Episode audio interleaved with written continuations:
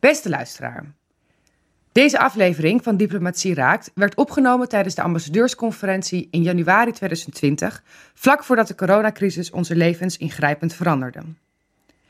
Het gesprek gaat dan ook over de werkzaamheden en het leven van een ambassadeur in normale tijden. Maar de wereldwijde pandemie heeft hun werk en leven natuurlijk ook veranderd. Op welke manier precies en hoe ze er zijn voor Nederland en Nederlanders in deze tijd? Dat hoor je binnenkort in een speciale serie van Diplomatie Raakt.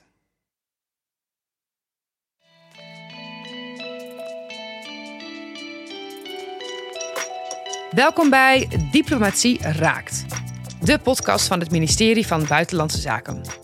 In deze podcast duiken we in het werk en leven van de meer dan 150 Nederlanders die als ambassadeur werken. Ze vertegenwoordigen ons koninkrijk wereldwijd en ze zijn er voor alle Nederlanders die in het buitenland wonen, werken of reizen. Maar ze openen ook deuren voor het Nederlandse bedrijfsleven, werken aan veiligheid en maken internationale afspraken over wereldwijde uitdagingen zoals klimaatverandering en ongelijkheid. Maar wat betekent dit nou eigenlijk concreet? Wat doet een ambassadeur precies? En is uitgezonden worden echt zo avontuurlijk als het klinkt? Mijn naam is Liesbeth Rasker. Ik ben freelance reisjournalist en in dit tweede seizoen van Diplomatie Raakt ga ik op zoek naar de antwoorden op deze vragen. Iedere aflevering praat ik met een andere ambassadeur over het vak, de mens achter het werk en probeer ik te begrijpen wat het nou precies betekent ambassadeur zijn.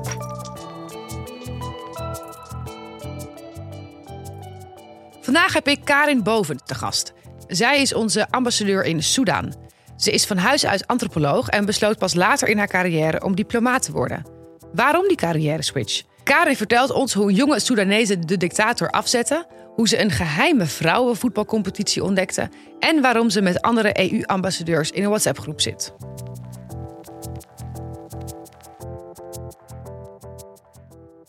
Hoe is het om in Nederland te zijn?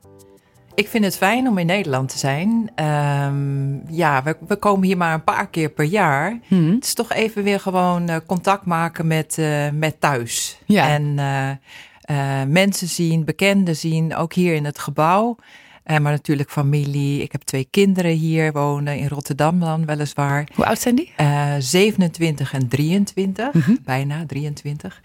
Um, dus zijn zelfstandig, volwassen. Ja. Maar als je op zo'n afstand woont, dan is het wel heel fijn om weer even bij hun te zijn. Uiteraard. Um, en uh, ja, moet ik zeggen, het weer valt natuurlijk altijd wel een beetje tegen. Ja. Ik kom uit Soudaan. Ja. En uh, ja, de gemiddelde temperatuur is daar toch wel zo'n 35 graden. Dus dan kan je voorstellen dat het een Het heeft- terugval is. Het is een weer. overgang. Ja. Zijn er dingen die je meeneemt uit Sudan hierheen? En andersom, zijn er weer dingen die je uit Nederland mee gaat nemen daarheen? Je bedoelt echt voor, voor in de tas? Kaas bijvoorbeeld? Eh, of uh, dat niet soort... uit Sudan hier Nee. naartoe. um, maar wat ik uit Sudan heb meegenomen nu, dit keer voor mijn kinderen, is uh, baobab instant powder. Dus poeder waarmee je, dat kan je aanlengen. Mhm. En dat, dat, dat valt eigenlijk in de categorie superfood. Hè. Hier Ja. bij, uh, bij diverse supermarkten is van alles te krijgen. Chiazaten, hennepzaten, noem maar op. Baobab valt een beetje in die categorie. Oké. Dat wordt geproduceerd in Sudan. Dat is in alle winkeltjes daar verkrijgbaar. En mijn kinderen houden van smoothies en gezonde shakes en noem maar op. Dus ik heb daar wat voorraadjes uh, van meegenomen. Voor de rest ben ik met lege koffers gekomen. Mhm. En, en ik ga met volle koffers uh, weer terug. En wat zit er in die koffers? Heel veel kaas. ja, ik, uh, ik ben gek op kaas. Jonge kaas, jong belegen kaas, maar ook Franse kaas. Mhm. Dat gaat in grote hoeveelheden mee terug. Um, en drop natuurlijk en stroopwafels. Maar Ja. kaas, uh, ja, dat is natuurlijk ook zwaar. Dus dan zit je zo aan je kilo's. Uh, maar dat moet ik van het weekend nog even regelen. En krijg je nog wel eens rare blikken bij de douane dat ze zeggen: mevrouw, wat nou, gaat u doen? Dat klopt. Uh, op Schiphol uh, ben ik vaker gevraagd om, uh, om koffers open te maken. En dan gaat het met name om de Franse kaas. Want die Oh. verpak ik op een hele speciale manier, zodat ze goed blijven. En dat komt verdacht over. Dus ik weet nu elke keer als ik via Schiphol weer terugvlieg, dat de Franse kaas open moet. Nou, je kunt er maar beter op voorbereid Zo zijn. is het. Um, waarom wilde je ooit bij Buitenlandse Zaken gaan werken? Um, ik, ik, heb, uh, ik ben pas laat bij BZ bij Buitenlandse Zaken gekomen? Ik was, als ik me goed herinner, al 38 jaar. Mm. Uh, dat komt omdat ik eerst allemaal andere dingen heb gedaan. Dus Zoals? ik ben geen uh, typische BZ'er, zoals dat Mhm. heet, hè, die van, gelijk vanuit de studie uh, hier is komen werken.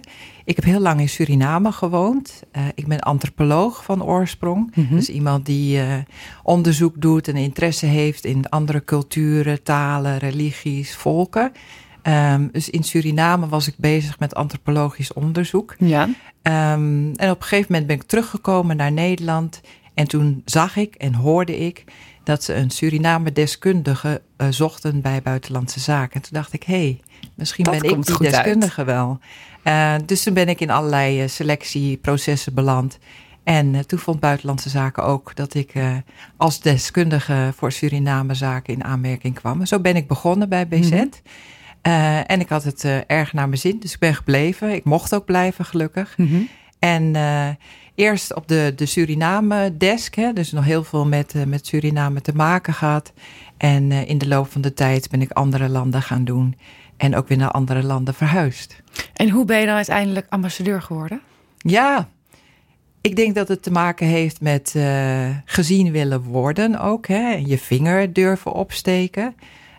Um, ik, ik heb vroeger nooit gedacht dat ik ambassadeur zou worden. Dat, dat kwam niet in mijn uh, perspectief voor eigenlijk. Hè.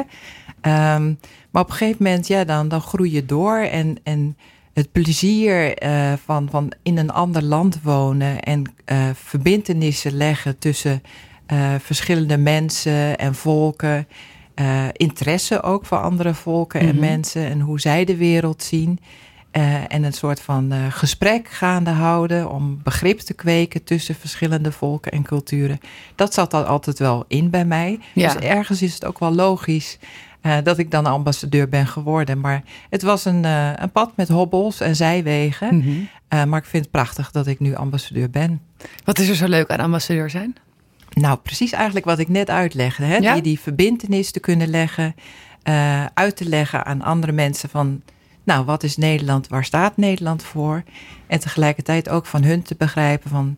nou, hoe zien zij, wij de wereld? Wat zijn voor ons belangrijke dingen? Ja. En dan een soort van uh, gesprek daaromheen op te bouwen... en een goede relatie te onderhouden. Zijn er ook minder leuke dingen aan het werk? Tuurlijk. Uh, bij elke baan horen ook uh, keerzijden, zoals dat heet. Ja, ik vind het soms bijvoorbeeld, uh, en dat snap je ook wel, want ik begon al met mijn familie. Hmm. Jammer dat ik mijn familie weinig zie. Ja. Um, hè, en nogmaals, mijn kinderen zijn volwassen. Maar toch denk ik op sommige momenten, als ze jarig zijn of als ze uh, iets moois hebben bereikt, van goh, was ik maar bij ze in de buurt. Ja. En tuurlijk, we kunnen naar elkaar toe vliegen, maar het is toch een hele afstand. Ja. Um, dus ja, familie mis ik af en toe. Het is een beetje een offer ook wel. Het is ook een brengen. offer, ja, ja, hoort erbij bij dit leven. En uh, vrienden zie ik maar heel weinig, eigenlijk maar één keer per jaar. Ja. Um, en uh, ja, dat, dat vind ik heel erg jammer. En verder, uh, ja, ik, ik hou ook wel van naar de bioscoop gaan. Ik hou van uh, in, in boekenwinkels uh, rondstruinen.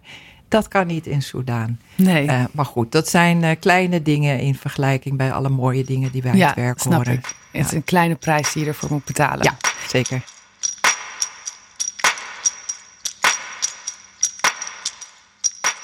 Je woont nu in Sudaan, daar gaan we het uiteraard nog heel uitgebreid over hebben zometeen. Maar je hebt van 2013 tot 2015 ook in Kabul gewoond. Ja, klopt. Ook niet een plek waar de bioscopen en de boekwinkeltjes nee. voor het oprapen liggen. en al zouden ze er zijn, dan mocht je er niet heen er niet vanwege heen. onveiligheid. Ja, ja precies. Ja. Hoe was het om daar te wonen? Ja, uh, heel pittig. Um, dat was wel anders dan, dan nu in Khartoum. Hè? Want als je in Kabul woont, dan woon je, woon je op een soort uh, compound. Is het een dus green zone? Of een, of ja, zo kan je het noemen. Dus, dus een afgesloten terrein uh, waar je woont met, uh, met militairen, met mensen die uh, voor, voor je veiligheid daar rondlopen en zorgen dat je, dat je ook veilig blijft. Ja. Hoe ziet je huis er dan uit? je hebt niet echt een huis. Oh. We hadden, eh het was een gebouw met meerdere kamertjes. Ja. Eh, en daar had ik een eh, slaapkamer in met een eigen eh, badkamer. Dat was het eigenlijk. Eh, het was wel de kortste reistijd naar het werk ooit. Want het was één trap af naar beneden en dan ben je op je kantoor. Dus eigenlijk één gebouw waar je met z'n allen woont als collega's. En waar je ook werkt. Ja. Ehm, en dat, eh, dat is best pittig. Hè? Nou. Want vanaf het moment dat je, je je deur open doet, zeg maar, van je slaapkamer en op de gang staat, dan kom je de collega's al tegen. Ja. Je zit met elkaar aan het ontbijt, aan de lunch, aan het avondeten. Want ja, het is zo'n onveilige situatie, af en toe, althans toen ik er was, Mhm. eh, dat je ook niet, niet de straat op kan. Nee. Dus je Ehm, komt die compound niet Bijna af. niet af. Nee, Nee. alleen als het kan. En dan onder begeleiding. Ja. Ehm, dus veel vrijheid eh, had je daar niet. Maar ook weer heel boeiend. En, en ik moet zeggen, ook weer als antropoloog om te zien Ja. hoe je daar in zo'n gemeenschap dan toch ook je draai weer weet te vinden. Ik vond het daar zelf heel belangrijk om met de collega's en alle andere mensen die op die compound woonden, er ook iets moois van te maken. Het ook gezellig te hebben. Mhm. Ehm, dus eh, alhoewel er hard werd gewerkt, ehm, letten we ook goed op dat we af en toe een beetje lol konden Ja. hebben met elkaar. Dus ik heb daar leren poelen, tafeltennissen, darten en dat soort dingen. Ja. Ja, ik wou ik wou vragen, wat doe je daar in de vrije tijd die je hebt? Dat, Dat. dat soort dingen dus. Ja, ja, ja. En met hoeveel mensen woon je daar dan? Eh, als ik me goed herinner, zaten we toen ook met, met eh, de militairen eh, erbij, of met iets van 30 mensen op een compound. Dat zijn dan een paar mensen van Buitenlandse Zaken, aangevuld door, door anderen van Defensie. Ja. Eh, maar het is eigenlijk een microcosmos, een micro, microwereld Ja. eh, op zichzelf. Maar vanuit, vanaf, eh, vanuit Afghanistan, juist omdat het zo'n zware situatie is, mag je dan wel regelmatig naar huis. Dus in mijn tijd was het zes weken Kabul, twee weken Rotterdam in mijn geval. Ja, om Ja. het een beetje draaglijk te houden ook natuurlijk. Ja. ja, ja. Ben je dan je werk of heb je dan je werk? Als je in Kabul woont, Ja. Ja, dan, dan zit het wel heel erg in je lijf. Hè? Ja. En Dan heb je ook zoiets van, ja goed, het is leuk om af en toe eh, eh, een boekje te lezen, maar je zit daar gewoon om te werken. Dus je Ja. hebt heel snel de neiging om dan echt zeven dagen in de, werk, in de week ook te werken achter Ja. je bureau. Ja, En nu in Sudan? Ook niet een plek waar het heel makkelijk leven is, lijkt me. nee, dat klopt. Wordt daar ook je werk echt een groot onderdeel van wie je bent? Of kun je ook nog wel eens, is er een moment dat je de deur achter je dicht trekt en dat je gewoon Karin bent? Ja, nou, ik, ik let wel op het laatste. eh, want het is natuurlijk ook heel belangrijk om af en toe afstand te nemen Ja. en ook te kunnen ontspannen. Ik woon in Soudaan met mijn man. Eh, dus, dus samen trekken we er dan ook wel op uit. Eh, bijvoorbeeld een paar weken geleden ben ik in het weekend met een paar vrienden en vriendinnen ehm, de woestijn ingegaan. Mhm. Dat kan. Ehm, en met een tentje, met een barbecue, met eh, een, een coolbox, met, Ja. met, eh, met drankjes en noem maar op. Klapstoeltjes mee.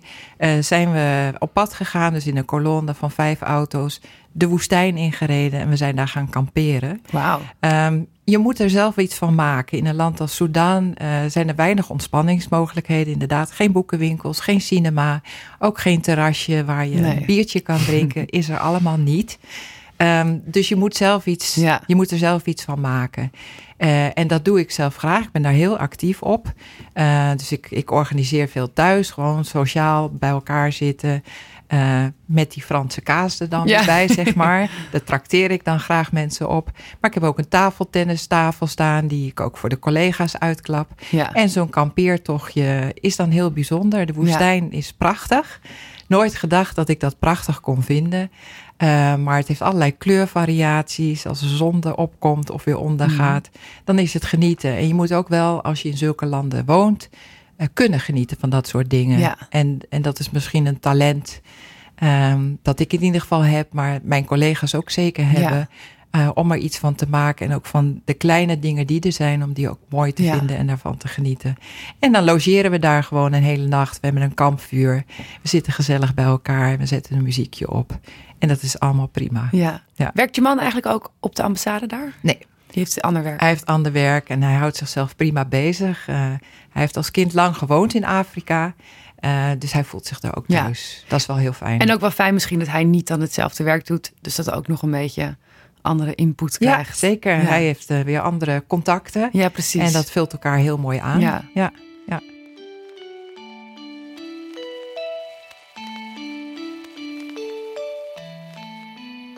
Sudan is een land met een lange, onrustige en ingewikkelde geschiedenis.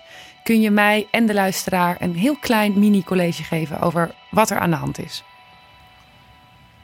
Ja, een moeilijk, complex verhaal ook. Um, Soudaan uh, komt uit een periode van 30 jaar dictatuur.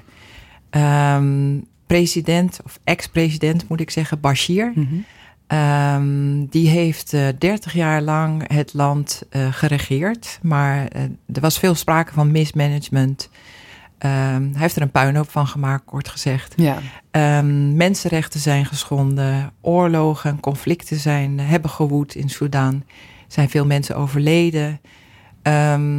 Hongersnood, corruptie, armoede is, is overal.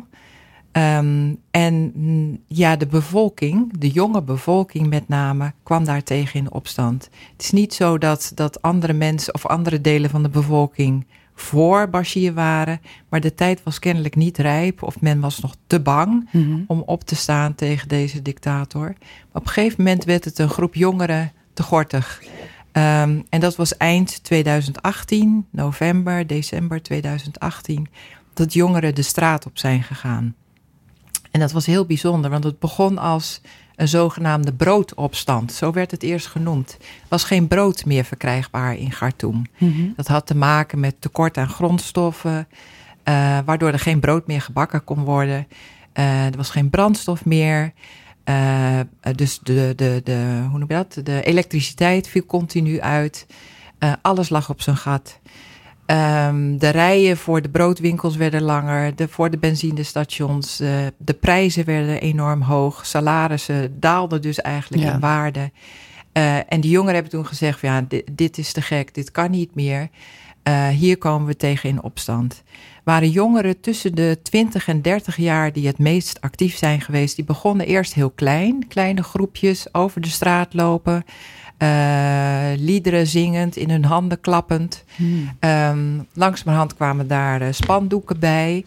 En uh, op, ja, die, die groep die zwel, zwol aan, zeg maar. Die werd steeds groter. Een soort sneeuwbaleffect. een sneeuwbaleffect. veel universiteitsstudenten, maar ook buiten Khartoum. Hè, dus Sudan is een ontzettend groot land. Ja. In Khartoum wonen 8 miljoen inwoners. Dus daar kan je best wel wat mensen op de been krijgen. Maar ook buiten Khartoum kwamen er steeds meer protesten. En dat was eigenlijk uniek in die geschiedenis van Sudan. Dat was nooit eerder voorgekomen. Dat ook buiten Sudan, of buiten Khartoum, de hoofdstad, uh, jongeren in opstand kwamen. Dus je zag over het hele land zag je groepen van, uh, van jongeren die dag en nacht aan het demonstreren ja. waren. Op een gegeven moment gingen ze over op een tactiek die ze vast wel bij buurlanden hadden gezien. Autobanden in de fik steken. Mm -hmm. Dus daardoor werd het verkeer gehinderd. Uh, hele delen van de stad werden afgezet. Uh, prikkeldraadversperringen. Ze gooiden van alles op straat aan glas en, en blokken hout, blokken steen. Dus het verkeer werd gehinderd. Daardoor werd de hele stad eigenlijk ontregeld. Um, en het zwol maar aan, het zwol maar ja. aan. Je zag zelfs dat er uh, jonge mensen uit, uit, uh, de, uh, uit de Verenigd Koninkrijk, Nederland, Duitsland, België, Frankrijk terugkwamen. Hè? De Soedanese jongeren die ooit waren ah, verhuisd ja. naar Europa. Die kwamen terug naar Soedan om zich aan te sluiten bij de jongerenbeweging. Nou, het werd steeds groter, het groter. Misschien hebben mensen daar wel foto's en plaatjes van gezien. Het was indrukwekkend. En uh, die protesten die, uh, die zijn uh, dus op een gegeven moment zo groot geworden dat er sprake was van, nou ja, gewoon groot, groot, breed verzet tegen Bashir. Mm -hmm. En op een gegeven moment is die afgezet. Um, ik ben zelf een paar keer naar de, de demonstraties geweest. Op een gegeven moment hadden ze een, een terrein uh, voor het hoofdkwartier van, uh, van Defensie afgezet. Dat was mm -hmm. de sit-in area noemden ze die. Dat was eigenlijk een soort van bijna festivalterrein, gecreëerd door jongeren. Uh, waar ze de hele dag zaten, waar ook muziek was, waar te eten was. Um, waar kunstenaars ook samenkwamen. Uh, dus de hele jonge bevolking mm -hmm. van Soudaan, die gewoon zei van nu moet het anders, kwam daar samen. Ik ben daar vaker naartoe geweest om met mijn jongeren te spreken. Er zijn veel mensen ook bij mij thuis gekomen om uit te leggen van zo zien wij de toekomst van Soudaan. Hoe kan Nederland daarbij helpen of hoe kan de Europese Unie daarbij helpen? veel jonge vrouwen ook. voor wie dit ook allemaal nieuw was. En op een gegeven moment in, wat is het, juni volgens mij. Ehm, nee, april is, sorry, april 2019 is Bashir afgezet. En toen, uh, toen zijn we gaan werken aan een uh, transitie. Ik focus dus nu eigenlijk alleen maar op de laatste, laatste tijd. Want het is een hele bijzondere tijd en geweest. En een grote gebeurtenis. Grote ja. gebeurtenis. En uh, ik ben zelf drieënhalf jaar geleden in, in Sudan aangekomen. zomer 2016. Dat was nog onder de Bashir-tijd. Mm -hmm. Ik heb dus de hele verandering waargenomen. Hè? De jongeren die de straat op gingen, de revolutie die heeft Ja. plaatsgevonden, met met name de jonge vrouwen vooroplopend. Eh, en nu zitten we in een opbouwfase, dus met een nieuwe regering. Ehm, kijken hoe we Sudan kunnen helpen om daar een democratisch land van te maken. Ja. Want dat is wat de jonge bevolking wil. Dus ik ben heel bevoorrecht eigenlijk. Ik ben ook heel dankbaar dat ik dit heb meegemaakt. Want het is, eh, je bent eh, getuige van een historische Ja. gebeurtenis. En daar, daar, eh, ja, je hebt er een actief, een bescheiden rol in Ja. gespeeld. Dat is heel mooi. En je zegt inderdaad, ze zijn nu in transitie op weg naar die democratische toekomst. Wat is Nederlands belang daarin? Waarom, waarom ben ben jij daar? Ja, Nederland heeft zeker belang bij een democratisch Soedan. Ook al lijkt het ver weg. Alles wat er in het buitenland gebeurt, heeft ook een impact op Nederland. En Nederland heeft een belang bij een stabiel en democratisch Soedan. Sudan is een enorm groot land eh, in, een, in een regio, de Hoorn van Afrika-regio, zoals dat heet, die best fragiel is. Hè? Mhm. Er gebeuren heel veel dingen op mensenrechtenterrein, schendingen met name. eh, eh, oudere presidenten die daar al jaren zitten en niet van plan zijn om de macht uit handen te geven. Eh, allerlei belangen eh, die daar spelen. En, en Sudan zit daar eigenlijk eh, middenin. We noemen Sudan ook wel de hub in de Hoorn van Afrika-regio. Dus ze nemen een heel belangrijke positie in. En als Sudan welvarend, veilig, democratisch is, dan heeft dat een voorbeeldfunctie voor alle landen in die regio. En dat is ook een Nederlands belang.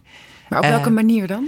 Bijvoorbeeld, ehm, misschien even terug naar die jongeren die zo'n grote rol speelden in de, in de, in de revolutie, hè? en De, de, de demonstraties Mhm. waar ze in meeliepen. Ik heb ook met veel jongeren gesproken van, wat beweeg je nu? Hè? Waarom loop je nu mee? Eh, en hoe, hoe zie je de ontwikkelingen voor Sudan?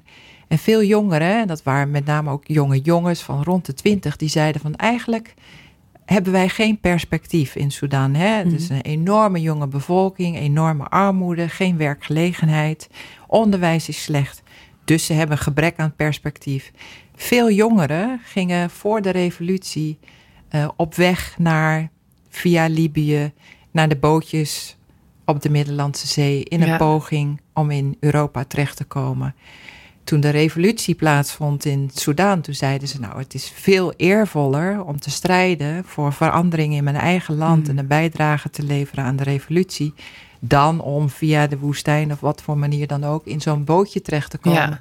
En misschien wel te verdrinken op de Middellandse Ja. Zee. Dan ga ik liever dood in de revolutie.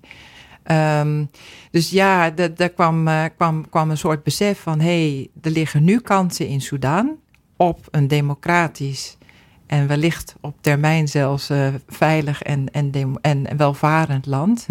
Ehm, dus het belang van Nederland is dan ook dat al die jongeren die anders via bootjes of hoe dan ook naar Europa waren gekomen op irreguliere manier, hè, dus dat is een soort van migratie waar wij eh, niet direct voor zijn, om het maar heel, heel beleefd te zeggen. Die, die, die migratie is tot stand gekomen omdat de jongeren kansen zagen in hun eigen land. Ja. En dat is eigenlijk het mooiste van, van, van ja, wat je kan bereiken in zo'n gebied, is dat mensen besluiten om gewoon daar te blijven, omdat ze mogelijkheden zien om van hun eigen land iets te maken. Eh, en dus ze zijn weer hoopvol eh, op een betere toekomst voor het land zelf. En dat past heel mooi in het Nederlandse concept van opvang in de regio. Oh ja. Hè? ja. En dat, dat je jonge mensen een perspectief biedt, ehm, een kans op ontwikkeling om een bijdrage te leveren aan de opbouw van hun eigen land. ja. Dus dat, dat is dan heel direct weer een Nederlands belang. ja.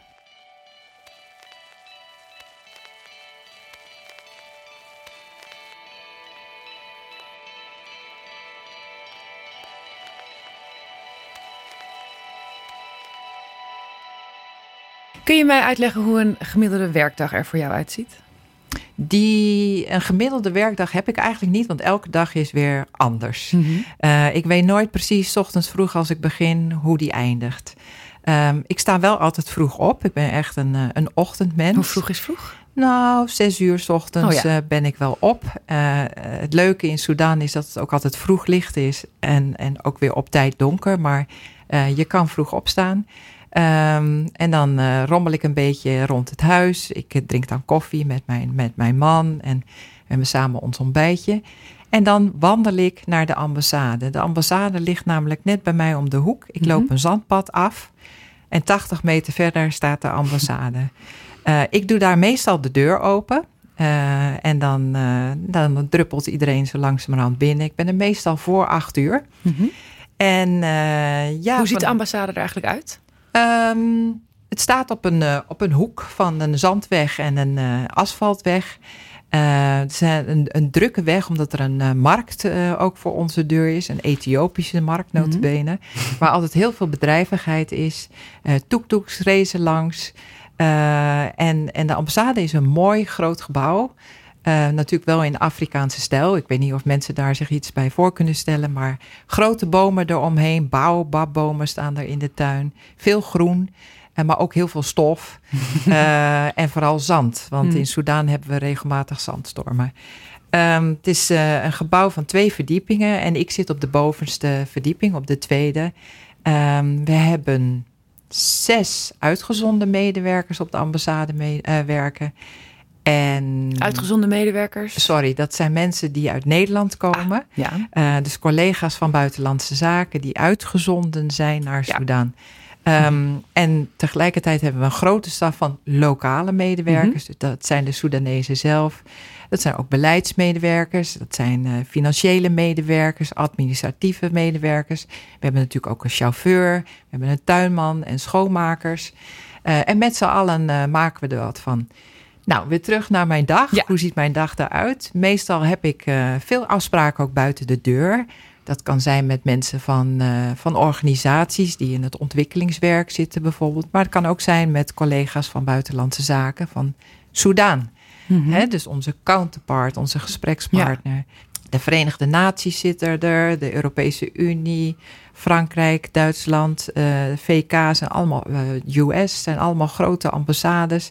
We zien elkaar va vaak, uh, zeker in deze transitieperiode.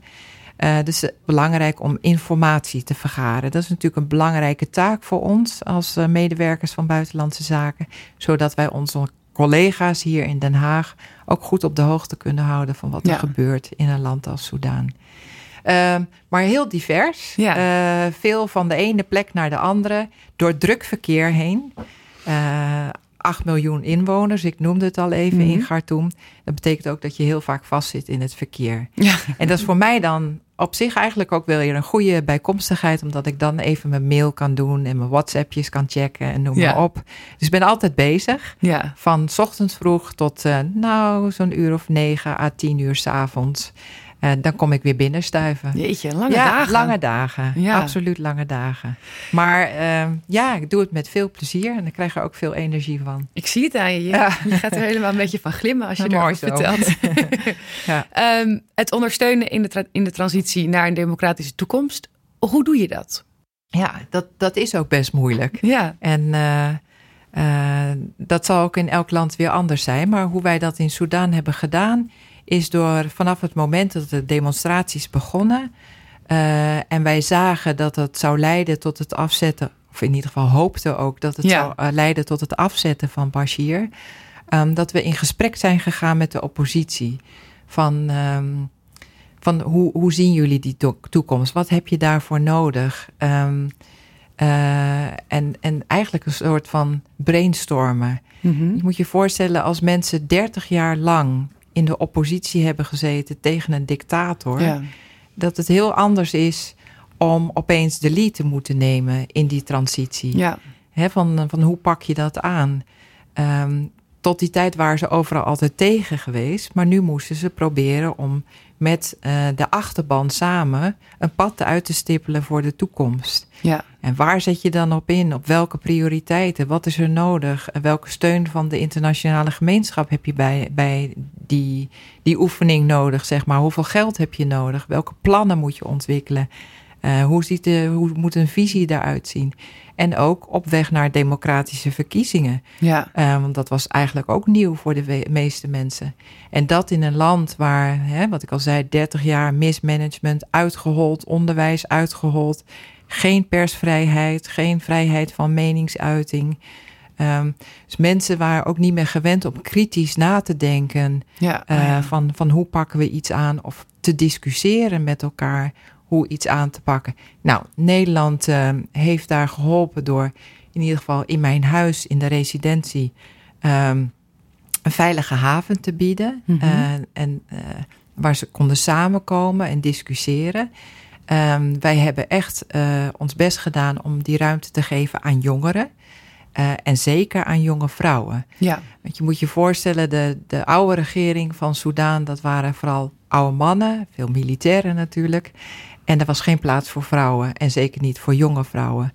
En wij hadden zoiets van, nou, die, die rol van de vrouwen en de jongeren in de revolutie is zo groot geweest, dat ze nu ook uh, bij het uh, discussiëren over de toekomst van het land betrokken moeten Aan zijn. Aan tafel mogen zitten. Ja, en daar hebben we voor gestreden, want dat was niet vanzelfsprekend. Nee, hoe uh, was het leven voor jonge vrouwen onder Bashir?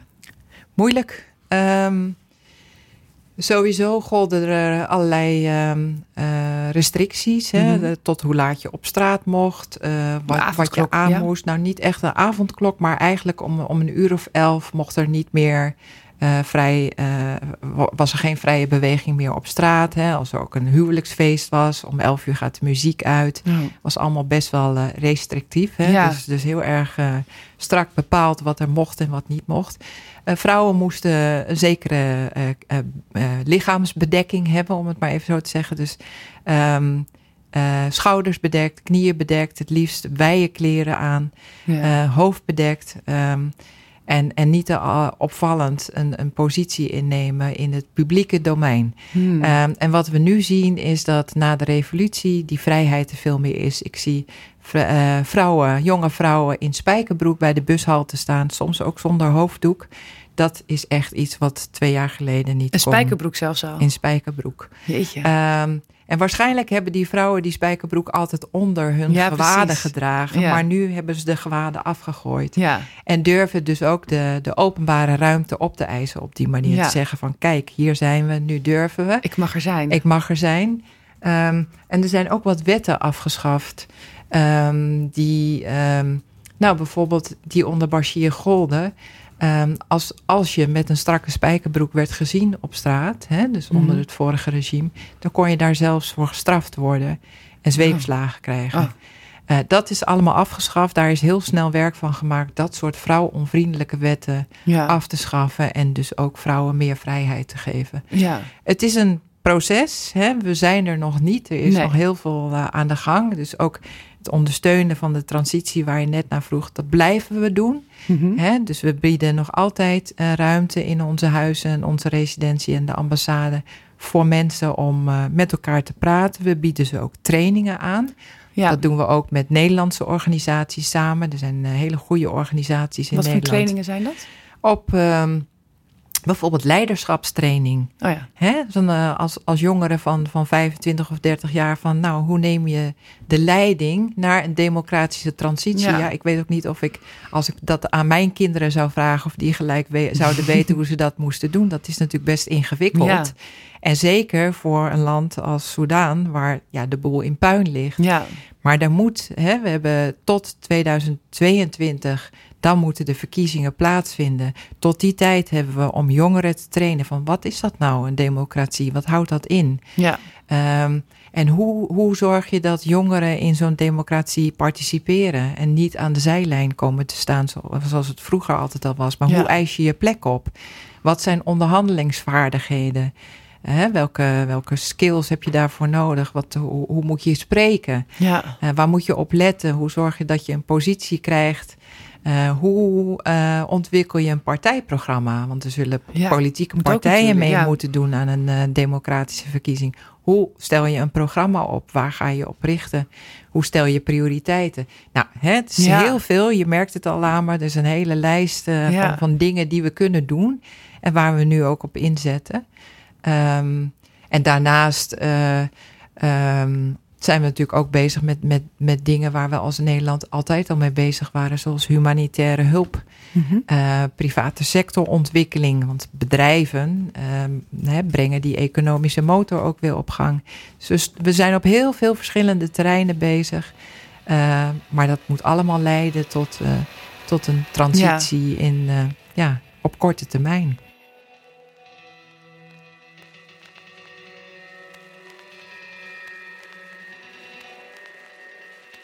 Je doet ook veel met sport. Ja. Voetbal is een Ja. belangrijk thema. Mhm. Kun je daar over vertellen? Voetbal, fietsen en zwemmen eigenlijk Ja. zelfs. Maar voetbal, eh, daar hebben we de laatste tijd heel veel op ingezet. Ehm, nou ja, ik hou van voetbal. Mhm. Ik ben trots op het vrouwenteam van Nederland. Ja, Eh, uiteraard. Die hebben, hebben veel bereikt en veel laten zien. Ehm, en eh, ik merkte toen ik drieënhalf jaar geleden in Soudaan kwam... dat er stiekem eh, voetbalactiviteiten waren van vrouwen. Want vrouwen mochten ook niet voetballen. In die tijd, hè, onder Bashir, Bashir, ja. hè, eh, waar we het net al even over hadden. Iedereen bedekt qua kleding, eh, zweepslagen als je niet bedekt genoeg was. Ja. Eh, heel erg eh, streng anti-vrouw eigenlijk. ja. Ehm, dus je kan je voorstellen, dan ga je niet in je korte broek eh, op straat rondhollen. Dat kan niet, Nee. dat kon niet althans. Ehm, maar ik merkte dat ze toch bijeenkwamen. Dat het ook gepassioneerde vrouwen waren die gewoon ja, verder wilden in de competitie, vrouwencompetitie. En die voetbalden op veldjes achteraf in het donker. Eh, na zonsondergang. Ah. Via via ben ik daar eh, mee in aanraking gekomen. Hè. We komen op recepties en we netwerken. En op een gegeven moment hoorde ik dat er zulke vrouwen waren. Eh, ik ben altijd al bezig geweest als, als eh, vrouwelijke ambassadeur, ook met vrouwenrechten. Eh, met rolmodellen zoeken, eh, spreken met jonge meiden en met vrouwen om ze te ondersteunen. Dus ik dacht nou, ik ga eens kijken of ik met hun samen iets kan doen. Dus om de zoveel tijd ging ik daar aan de lijn zitten, langs de lijn zitten moet ik zeggen. Ehm, en we kregen een relatie met elkaar. Hè? We, we, hadden, we kenden elkaar. Ehm, we zagen elkaar vaker. Ik nodig ze steeds vaker uit op de ambassade, op de residentie. Als we met z'n allen voetbalwedstrijden gingen kijken, zaten zij er ook bij met oranje petten op. Dus we Stonden ze waren er- heel erg hecht met elkaar. Stonden ze er niet ook een beetje van te kijken dat jij daar opeens eh, langs hun veld stond? Nou, misschien hadden ze er altijd al op gerekend of gehoopt. Ja. Ik weet het niet. Maar eh, ze, waren, ze waren enthousiast Precies, natuurlijk. Ja, zeker. Eh, en ook een beetje onwennig inderdaad. Maar gaandeweg steeds enthousiaster. Dus ik heb, zij, eh, ik heb hun ook in contact gebracht met allerlei andere vrouwenorganisaties. eh, andere ambassades. En eh, gezorgd dat, dat ze verbonden waren met, met de rest van, van de wereld. Ehm, en op een gegeven moment, ehm, eh, vorig jaar, was ik in Amsterdam bij een vrouwen empowerment event. Eh, dat vond ook plaats in het kader van de ambassadeursconferentie. Ik was gevraagd eh, door collega's hier van Buitenlandse Zaken om iets te vertellen over het werk op vrouwenrechten, eh, wat ik deed in Khartoum. Ehm, en ik vertelde dus over mijn ervaringen met het vrouwenvoetbalteam in Khartoum. Rocky, eh, een, een bekende straatvoetbalster in, in Nederland, die ook eh, een contract heeft met de FIFA. Ik weet niet of ik dat mag noemen, maar in ieder geval, eh, ze is heel de eerste vrouwelijke eh, Ja. speler die een personage heeft. Precies, Ja. precies. Die was ook op dat event. En ik, deed, ik mocht een praatje houden en Rocky mocht ook een praatje houden. En wij hadden eigenlijk een soort van natuurlijke klik met elkaar. Mhm. We hadden zoiets van, wij kunnen samen iets doen. Dus ik heb daar ter plekke Rocky uitgenodigd om naar Soudaan te komen. Wauw. En zij heeft gezegd, ja, doe ik. Als jij een ticket voor me regelt, dan kom ik. En zo is het allemaal gekomen. Ehm, in eh, november vorig jaar was eh, Rocky in Soudaan en heeft zij voetbalclinics gegeven aan vrouwen.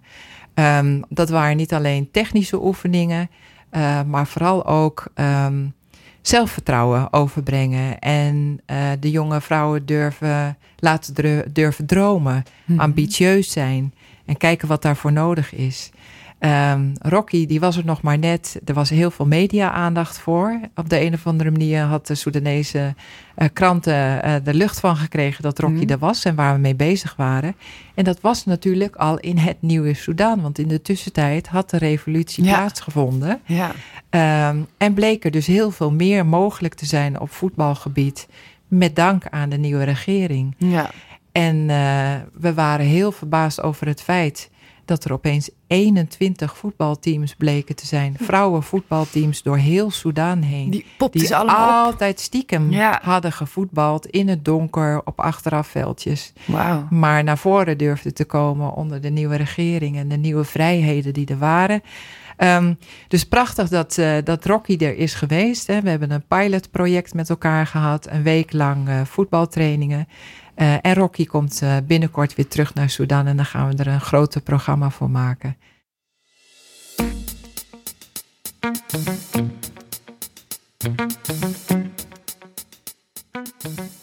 We gaan even naar de Durf te Vragen rubriek, waarin ik een, nou ja, voor de hand liggende vraag waarschijnlijk ga stellen. Of in ieder geval met een makkelijk antwoord. Oké.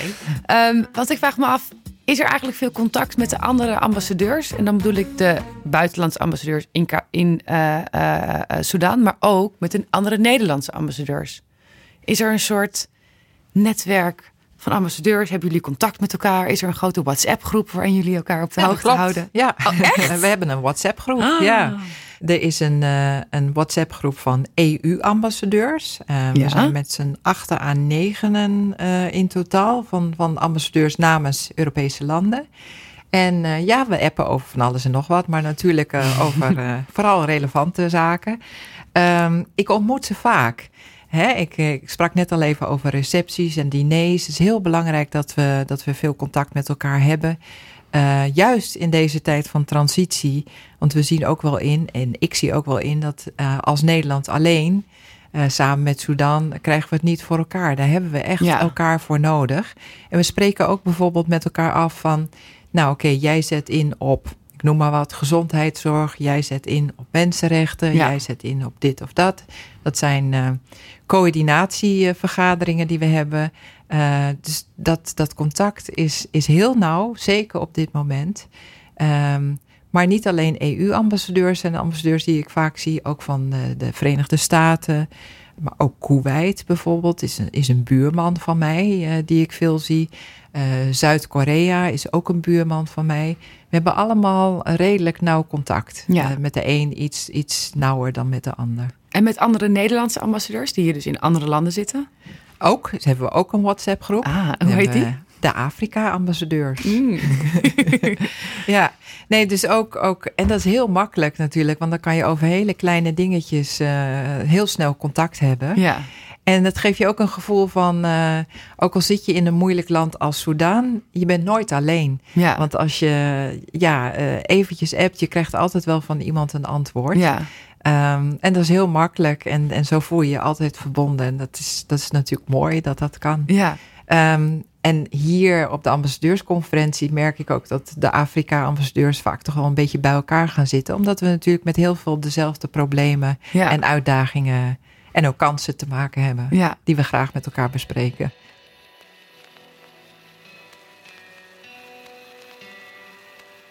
Je zit al uh, een hele tijd in Sudan, 3,5 jaar ben je bijna aan het eind van je post daar. Waar, ja. waar kijk je op terug? Op natuurlijk een, nou ja, een behoorlijk belangrijke periode. Waar ben je het meest trots op? Oeh, ja. dat is een moeilijke vraag. Ja. Ik, uh, ik heb ook een jaar bijgetekend. Misschien moet ik daarmee ah. beginnen. Want een, een plaatsing in, uh, in Sudan was eigenlijk drie jaar.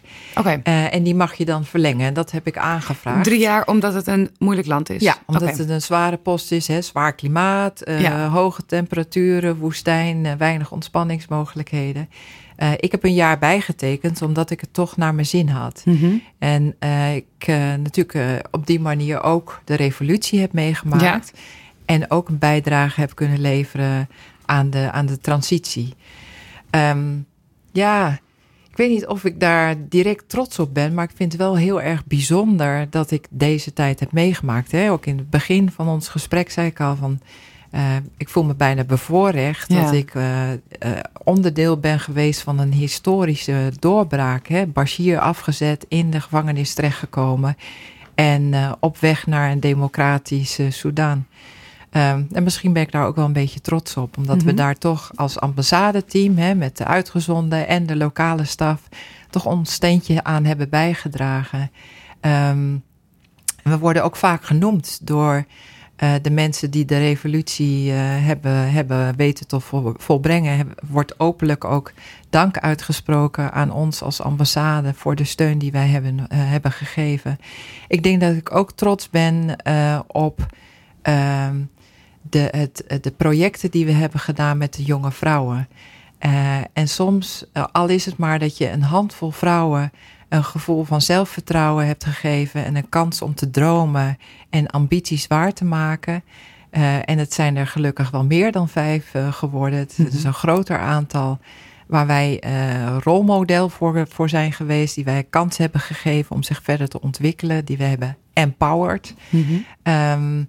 Ja, uh, daar ben ik trots op. Ja, op, uh, wat we dat, op dat terrein hebben bereikt. Ja. En soms zijn het maar kleine stapjes. Maar al die kleine stapjes die helpen wel om iets groots te bewerkstelligen. Ja. Weet je al waar je hierna heen gaat? Ja, ik ga vanaf uh, augustus naar Oeganda. Oh. Um, het is bijna een buurland. Ja. ik blijf in de regio. dat vind ik heel fijn, omdat er zoveel gebeurt in de Hoorn van Afrika. Ja. En ik vind ook van, uh, ja, ik heb nu kennis en ervaring opgedaan in Soedan. En ik, ja, ik vind het fijn om, om die dan in Oeganda uh, verder te kunnen verdiepen en, en verbreden. Um, en toch ook een beetje in de, in de buurt van Soedan te blijven. Dat snap ik. Ja. Nou, nu snel kaas kopen kaas kopen, drop kopen, stroopwafels uh, en nog een paar boeken. En nog een paar boeken en dan terug naar Sudan. Dan terug naar Sudan. Mag ik je bedanken voor een heel verhelderend en leuk gesprek. Heel graag gedaan. Fijn.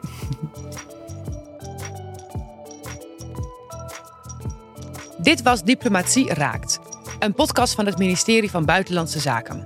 Wil je meer weten over wat het ministerie en de ambassadeurs doen? Luister dan ook seizoen 1 van Diplomatie Raakt. Of ga naar www.rijksoverheid.nl-bz. Daar vind je alles over het werk van het ministerie van Buitenlandse Zaken. De volgende keer is Jan Waldmans de gast. Hij is onze ambassadeur in Libanon. Diplomatie Raakt wordt in opdracht van het ministerie van Buitenlandse Zaken geproduceerd door Dag en Nacht Media. Het audiodesign is van Studio Cloak en ik ben Liesbeth Rasker. Dag!